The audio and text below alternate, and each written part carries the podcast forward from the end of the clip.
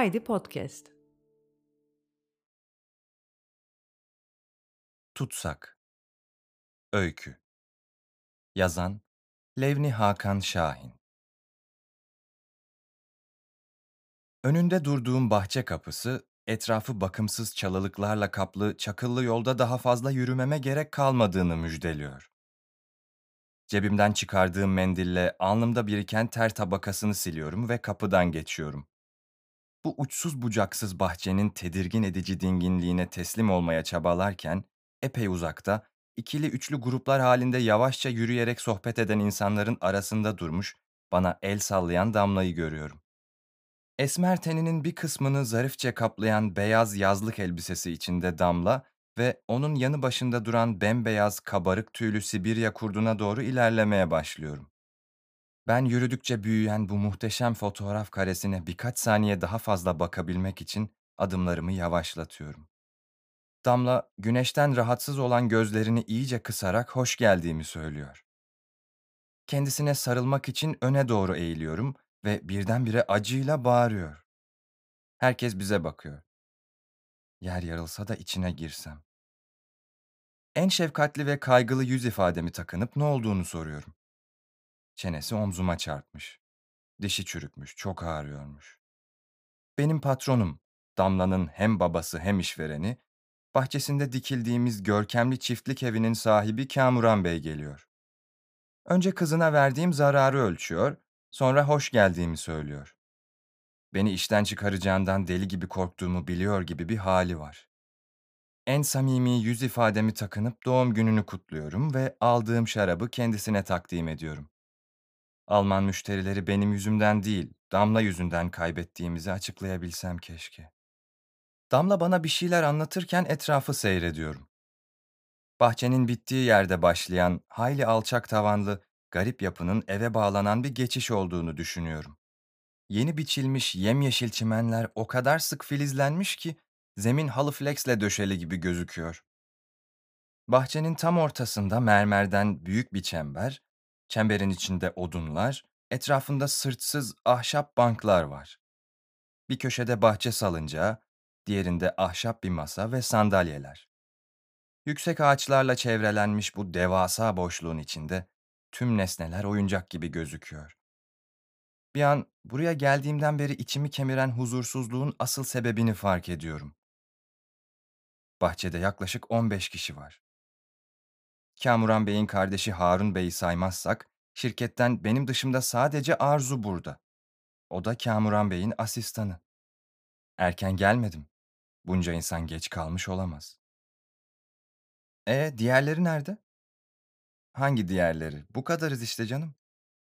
Kamuran Bey'in yalnızca ailesinin ve yakınlarının katıldığı doğum günü etkinliğinde ne işim olduğunu, Damla'nın beni neden buraya davet ettiğini, Kamuran Bey'in burada olacağımdan haberi olup olmadığını merak ediyorum. Gülümsüyorum. Hiçbir şey söylemiyorum. Gömlek çok yakışmış. Yeni mi? Teşekkür ederim. Damla kadehinde kalan şarabı fondipleyip az öteden kendisine seslenenlerin yanına gidiyor. Amfili pikaptan yükselen kısık sesli, duygusuz salon müziği, ta çakıllı yolun ardından bahçeye ulaşan köpek avlamalarına karışırken hava yavaş yavaş kararıyor. Çeşitli mezeler ve Harun Bey'in pişirdiği etler masanın üzerinde saatlerdir boş duran tabakları doldurmuş olduğundan, Damla en tatlı küçük kız çocuğu ifadesini takınıp etrafa dağılmış insanları masaya davet ediyor. Bir süre, sanırım kimse masaya oturmadığından, kimse masaya oturmuyor. Harun Bey yapması gerekeni yapıyor ve bir son dakika haberi geçiyor. Hanımlar beyler, etler soğuyor. Damla'nın iki yanı da hemen doluyor. Adımlarımı hızlandırıp masanın en köşesinde oturan Arzu'nun yanındaki boş sandalyeyi kapıyorum. Sence de burada olmam garip değil mi Arzu? Minvalinde bir soru sormaya yelteniyorum ama zihnimdeki sözcüklerin hiçbir kombinasyonu doğru hissettirmiyor. Uzun süredir dişlerimi sıktığımdan dolayı çenemin ağrıdığını fark ediyorum. İçinden kanlar fışkıran antrikot dilimini kesmeye çalışırken gözlerim masanın üzerinde duran ele takılıyor.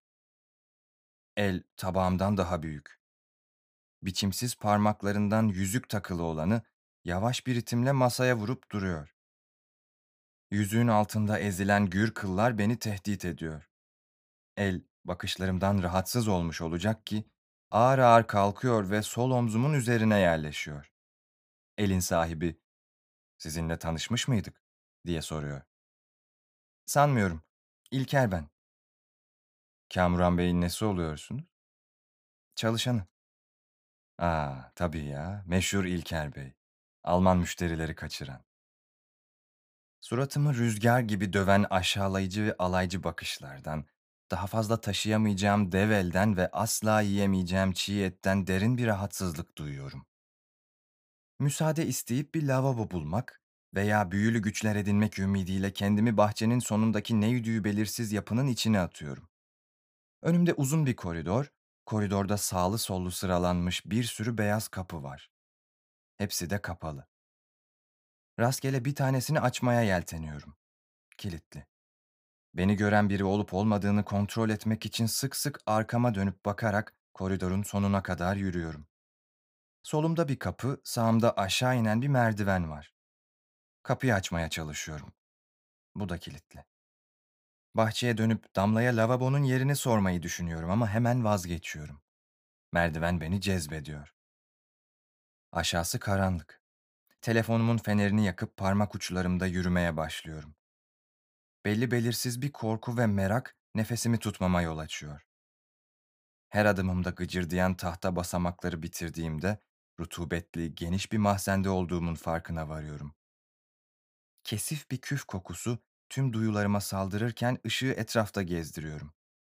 Çatlaklarla dolu gri duvarların birinde gördüğüm düğmeye basıyorum.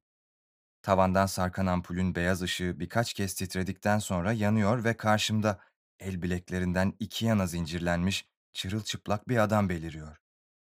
Vücudu yanık izleriyle dolu bu adamın şirketin benden önceki dış ticaret müdürü Sinan Bey olduğunu fark ettiğim an kan beynime sıçrıyor, neden burada olduğumu artık gayet iyi biliyorum. Sinan kafasını kaldırıp hiçbir duygu aktarmayan boş bakışlarını bana doğrultuyor, hemen ardından tekrar önüne dönüyor. İlk anda beliren Sinan'ı kurtarmamı tembihleyen düşüncelerin yerini çok kısa bir süre sonra kaçma fikri alıyor.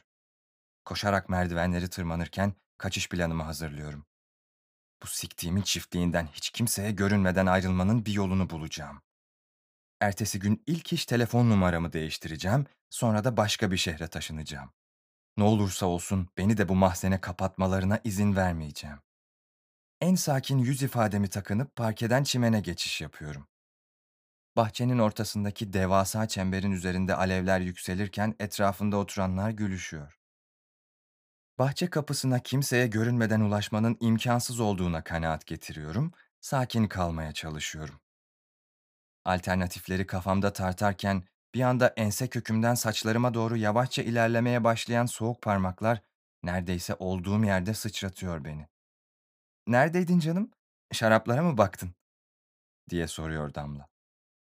Eee, migrenim azdı da benim gitmem gerek. Masaj yapayım mı? İyi gelir. Yok, teşekkür ederim. Gerçekten gitsem iyi olacak. Peki madem. Gel, arka kapıdan yolcu edeyim seni. Angarya'dan kurtulmuş olursun. Biliyorum.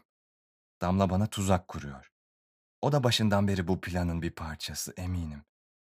Yine de an itibariyle onu takip etmekten başka bir çarem olmadığından koluma girmesine müsaade ediyorum ve koridorun derinliklerine doğru ilerliyoruz. Damla mahzene inen merdivenin karşısındaki kilitli kapıyı açıyor ve şatafatlı bir misafir odasına giriyoruz. Odanın içinde bir kapı daha var. Arka bahçeye oradan mı çıkıldığını soruyorum, gülümsüyor. Kollarını omuzlarıma atıyor. Beni öpmeye başlıyor. Beni iyice savunmasız hale getirecek. Beni soyacak, sonra da gelip beni öylece alıp mahzene götürecekler. Damla'nın yumuşak dudakları benimkileri ıslatırken onu etkisiz hale getirmenin en güvenli yolunu bulmaya çalışıyorum. Bir adım geri gidiyor, yüzüne düşen kıvırcık saçlarını arkaya atıp bana şehvetle bakıyor ve beni yatağa itiyor. Birkaç saniye olduğu yerden bedenimi süzüyor. Sonra ağır hareketlerle üzerime çıkıyor. Bir an kendimi kaybedecek, bu tuzağa göz göre göre düşecekmişim gibi hissediyorum, aklımı başıma topluyorum. Yatakta doğruluyorum, bacaklarını belime dolamış olan Damla'yla beraber ayağa kalkıyorum. Onu duvara çarpıyorum, gövdeme kenetlenmiş bacaklarını çözüyorum, yere indiriyorum. Beni öpmeye devam ediyor. Onu yüzü duvara bakacak şekilde döndürüyorum, komodinin üzerinden aldığım çalar saati ensesine geçiriyorum. Damla'yı yerden kaldırıp yatağa yatırdıktan sonra ona son bir kez bakıp daha önce ardını görmediğim kapıdan arka bahçeye çıkıyorum. Kendimi çakıllı yola atıp karanlığın içinde olanca gücümle koşmaya başlıyorum.